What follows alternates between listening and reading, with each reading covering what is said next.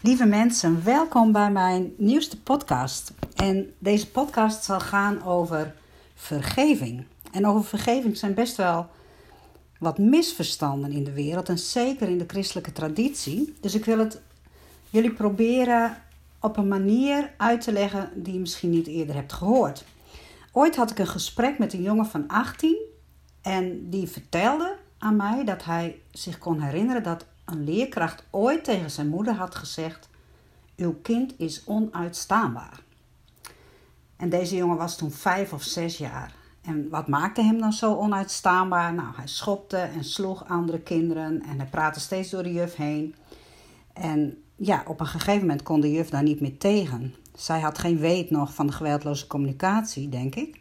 Maar zij zorgde ervoor dat hij van school af moest en naar het speciaal onderwijs moest gaan. En toen hij van het speciaal onderwijs, basisonderwijs, overging naar het voortgezet onderwijs, of tenminste dat wilde hij graag, bleek zijn IQ veel lager te zijn dan de school aankon. En hem werd verteld: ja, op deze school is er geen plek voor jou. We kunnen jou geen onderwijs geven. Nou, die jongen die, ja, die was ontzettend uh, verdrietig en teleurgesteld. En natuurlijk werd die eerdere opmerking van die juf van toen hij vijf was uh, weer gereactiveerd. Die pijn werd gereactiveerd, zou je kunnen zeggen. En hij wilde niks meer. Hij zat thuis op zijn, op zijn slaapkamer, heeft hij drie jaar gezeten. Kwam bijna niet buiten, maar hij zat alleen maar achter zijn computer met zijn koptelefoon op. Dus hij ging helemaal uit contact met alles en met iedereen. Nou, misschien is er in jouw leven ook wel eens iets gebeurd of iets tegen jou gezegd dat nog steeds in jouw systeem zit. Dus iets wat je nooit vergeten bent. Maar misschien is er op dit moment ook wel iemand waar je ruzie mee hebt of niet meer tegen praat. Misschien heb je ook nog wel een oordeel op hoe jij vader of moeder was. Dat je je misschien er nu van bewust bent dat je iemand pijn hebt gedaan. Waar je je toen niet van bewust werd. Want ik ben ervan overtuigd dat elke ouder met de beste bedoelingen zijn kinderen opvoedt. Maar misschien heb je daar nu wel heel veel spijt van en schuldgevoelens over. Het kan ook zijn dat je vreemd bent gegaan. Dus dat je je man of je vrouw hebt bedrogen. Het kan ook zijn dat je van jezelf vindt dat je niet de moeite waard bent omdat je heel veel fouten hebt gemaakt in je leven. Of heb je heel veel oordelen over andere mensen die zich volgens jou anders zouden moeten gedragen. Ooit had ik een cliënt die ruzie had gemaakt met iemand en die al drie keer had geprobeerd om het goed te maken, maar die ander, ja, die bleef maar boos op hem. Nou, zo kunnen er allerlei dingen in je leven zijn gebeurd waar het begrip vergeving een rol bij speelt. En al die dingen zitten in ons systeem, zeg maar, in onze gedachten, in ons lichaam. En als het niet opgeschoond wordt, dan zitten we als het ware in een, dan leven we in een soort van schaduwwereld. Een wereld waarin licht en donker door elkaar heen lopen. Een soort van grijs gebied zou je kunnen zeggen. Want waar het donker is, krijgt het licht geen ruimte. Dus je leeft niet voluit. Dat kan ook niet, want er zit nog van alles in jouw systeem. Ja, wat jou onbewust misschien wel uh, tegenhoudt om voluit te leven. En het gaat erom dat wij de verantwoordelijkheid nemen over ons eigen leven. Misschien is dat wel de ultieme uitdaging van dit leven. En om eens te kijken naar wat ons eigen aandeel is in een, bijvoorbeeld in een conflict. Of wat er nog in ons lichaam zit aan pijn als een docent dat ooit tegen ons gezegd heeft. Of zoals die vrouw van 80 mij vertelde dat haar vader ooit had gezegd: Jij bent nog te dom om voor de duivel te dansen. Dat zat nog steeds in haar systeem. En dat had nog steeds invloed op hoe zij zich in het hier en nu gedroeg. Vergeving.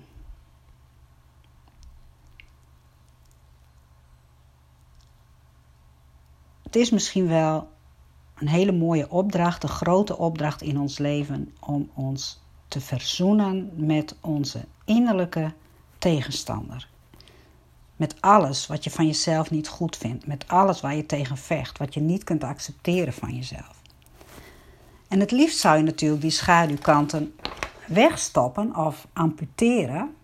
Maar als je je niet kunt verzoenen met je schaduwzijden, dan veroordeel je jezelf dus continu. En dan kom je ook niet echt aan het licht. Dus de grootste rechter, de grootste criticus in ons leven, dat zijn wij zelf. En die criticus, die werpt jou als het ware in een soort gevangenis. Waar je jezelf dus in opsluit. En waarin je gekweld wordt. En je kunt zo gevangen zitten in jezelf dat het misschien ooit te laat is om uit die innerlijke gevangenis te ontsnappen.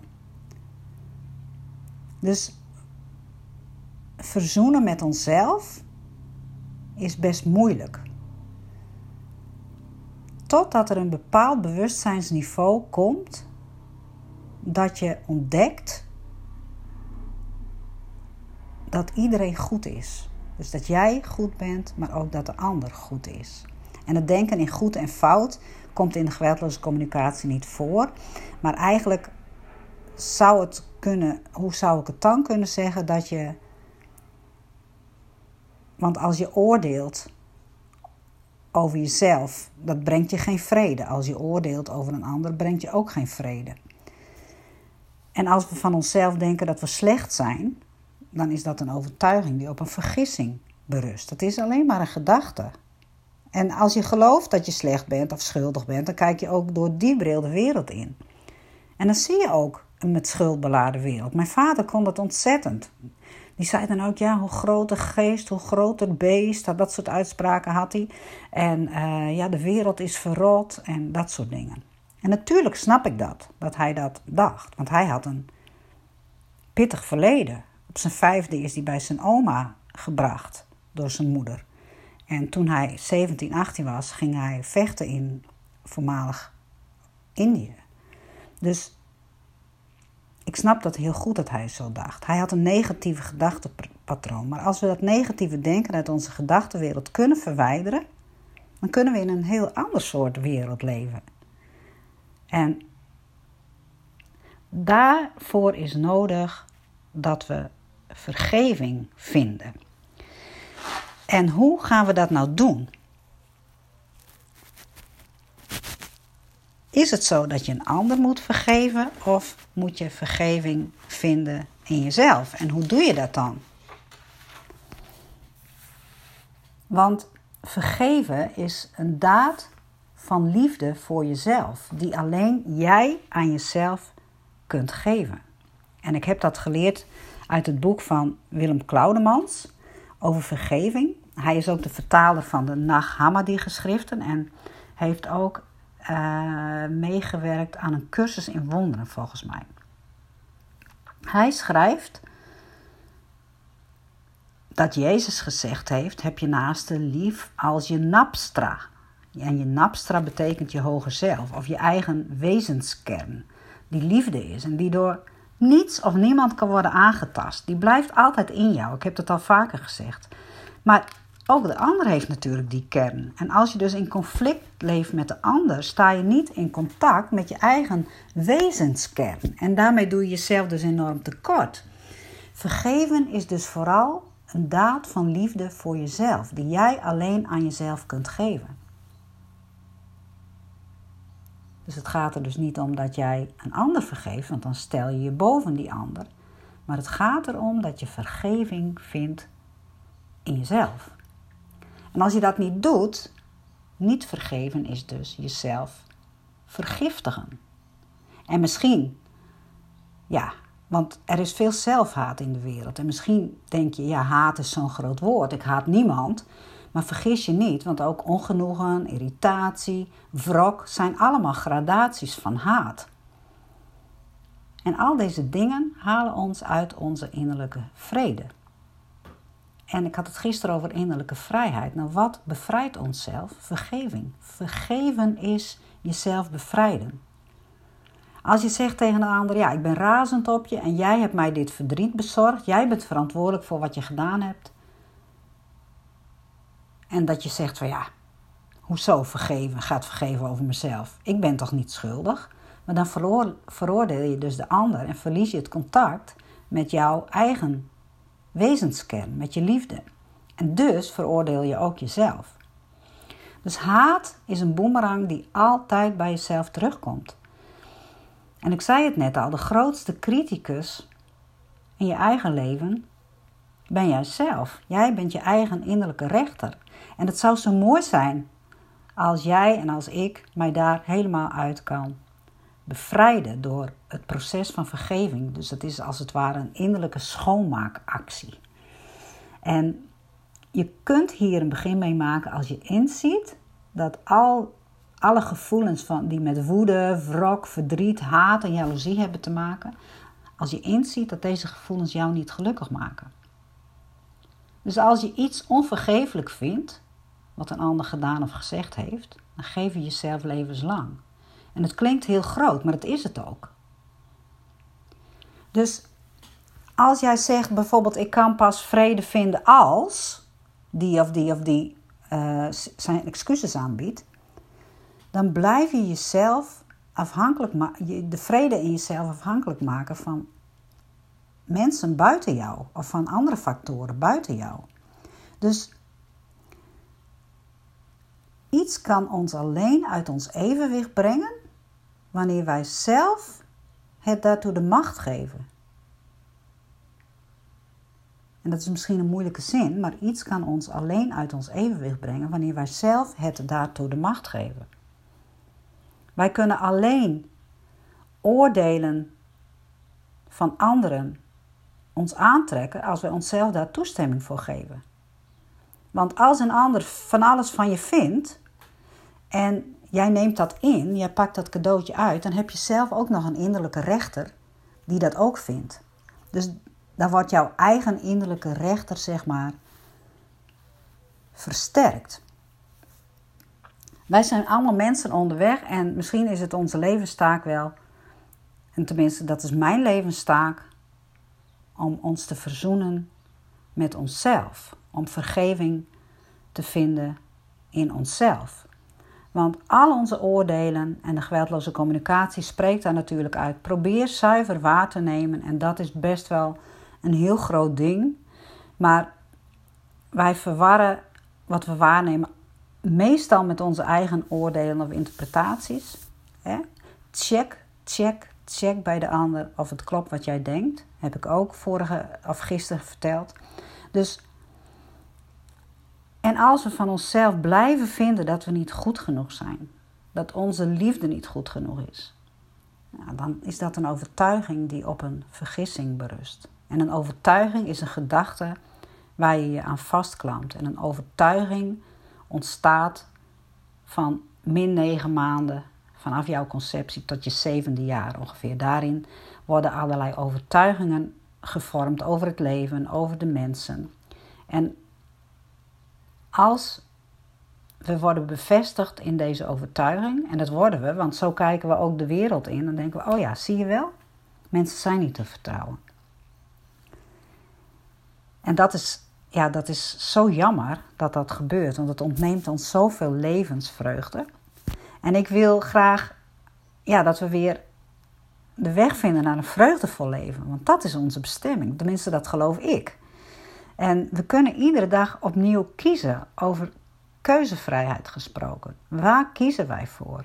En ook vergeven is een besluit dat je kan nemen. En als je ervoor kiest om jezelf en de ander niet meer te haten, te veroordelen of je aan de ander te irriteren, dan kan er rust zijn in jezelf. En ja, innerlijke vrede, maar ook dus innerlijke vrijheid. En verlangen we daar niet allemaal naar? Marcia Rosenberg, die de geweldloze communicatie heeft ontwikkeld, zei: Let niet op hoe een ander over jou denkt, maar kijk door die gedachten heen naar wat hij voelt en nodig heeft. Let dus niet op de verpakking, maar op de inhoud. En de inhoud is dan de gevoelens en behoeften. En als iemand tegen jou zegt: Je luistert ook nooit naar mij, dan is dat de verpakking waarvan de inhoud is: Ik ben heel verdrietig, want ik wil zo graag gehoord worden. Dus als jouw kind dat tegen jou zegt, of je, je partner dat tegen jou zegt, of een leerling dat tegen jou zegt, of een collega dat tegen jou zegt, je luistert ook nooit, of je luistert ook nooit naar mij, ga dan eens naar de inhoud. Met vanuit welk gevoel zegt diegene dat? En wat heeft diegene ten diepste nodig? En als je als ouder bijvoorbeeld tegen je kind zegt: leg die telefoon nou eens weg, je bent verslaafd aan dat ding, dan is dat de verpakking. Maar de inhoud is: ik voel me machteloos en verdrietig. Als je steeds met je telefoon bezig bent, want ik wil zo graag contact met jou. En dat klinkt heel anders, maar zo zeg je dat dus op een geweldloze manier. Dus als een mens zijn eigen problemen op ons projecteert, vraagt hij eigenlijk: zie mij, hoor mij alsjeblieft. En als je dat niet bewust bent, dan wordt je eigen stemming en je gedrag door die ander bepaald. En dat noemen ze in de geweldige communicatie de emotionele afhankelijkheid. Je maakt je dus afhankelijk als een ander boos op jou is, kritiek op jou heeft, allerlei oordelen over jou heeft. En je hoort niet vanuit welke behoefte hij of zij dit heeft of, of zegt, dan maak je je dus afhankelijk als je het je aantrekt, als je erdoor in de war raakt, als je erdoor uit balans raakt. En in de Bijbel staat dan ook wel: heb je vijanden lief, maar liefde voor de vijand, dat betekent dus eigenlijk innerlijk, innerlijke vrijheid. En ja, dat gun ik mijzelf en dat gun ik ons allemaal. Want we zijn niet, niemand is slecht. Maar in het ergste geval zijn mensen gekwetst. En in het ergste geval valt een ander mij aan en verwijt een ander mij zijn pijn, maar hij is niet slecht. En zo diep moet ons mededogen gaan. Dat je volledig bij die ander kan zijn. Dat je even vol bij die ander bent en jezelf leegmaakt.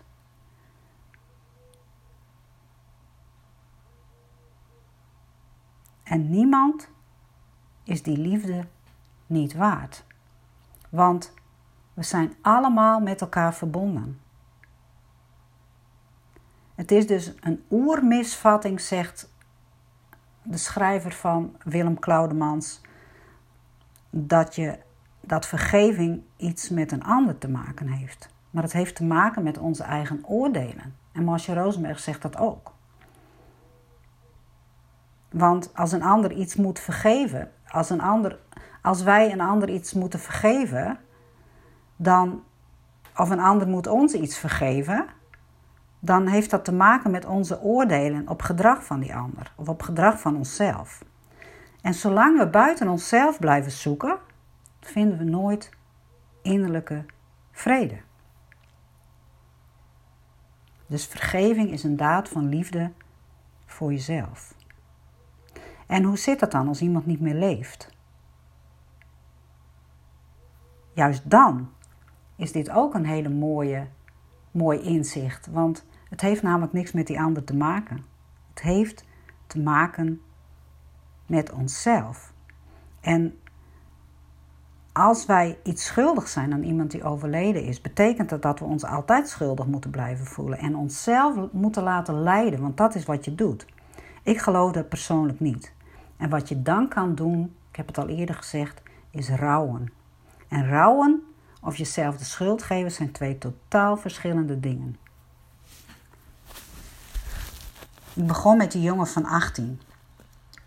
Die jongen van 18 had drie jaar thuis eh, gezeten en kwam toen op een plek, de zijn plek, waar hij op adem kon komen. Waar hij pijn kon voelen over alles wat er in zijn leven gebeurd was. En ik heb daar af en toe met hem gewerkt en ik zei tegen hem: Jij was niet onuitstaanbaar.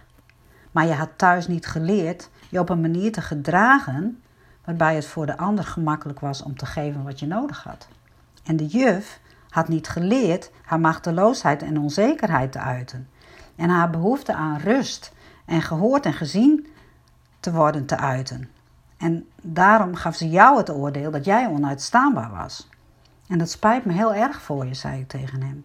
En ik had zo graag gewild dat zij andere manieren had gevonden om jou echt te erkennen, maar ook om zichzelf echt te erkennen. En in een van die gesprekken zei die jongen tegen mij: Ik voel nu vaak zoveel liefde in mezelf. En ja, dat raakte mij natuurlijk weer, want hij had net zo goed altijd kunnen blijven haten. En zijn leven had hier gigantisch uh, door beperkt kunnen worden. En, en omdat hij daar dan aan zou lijden. Maar hij koos voor vergeving. En vergeving is altijd voorhanden. Maar we moeten er wel voor kiezen. En ik had toen een gesprek met hem en zijn ouders, die door hun eigen onmacht ook heel veel dingen liever anders had gedaan. En hij zei tegen zijn ouders: Ik hou zoveel van jullie. En toen brak de zon door.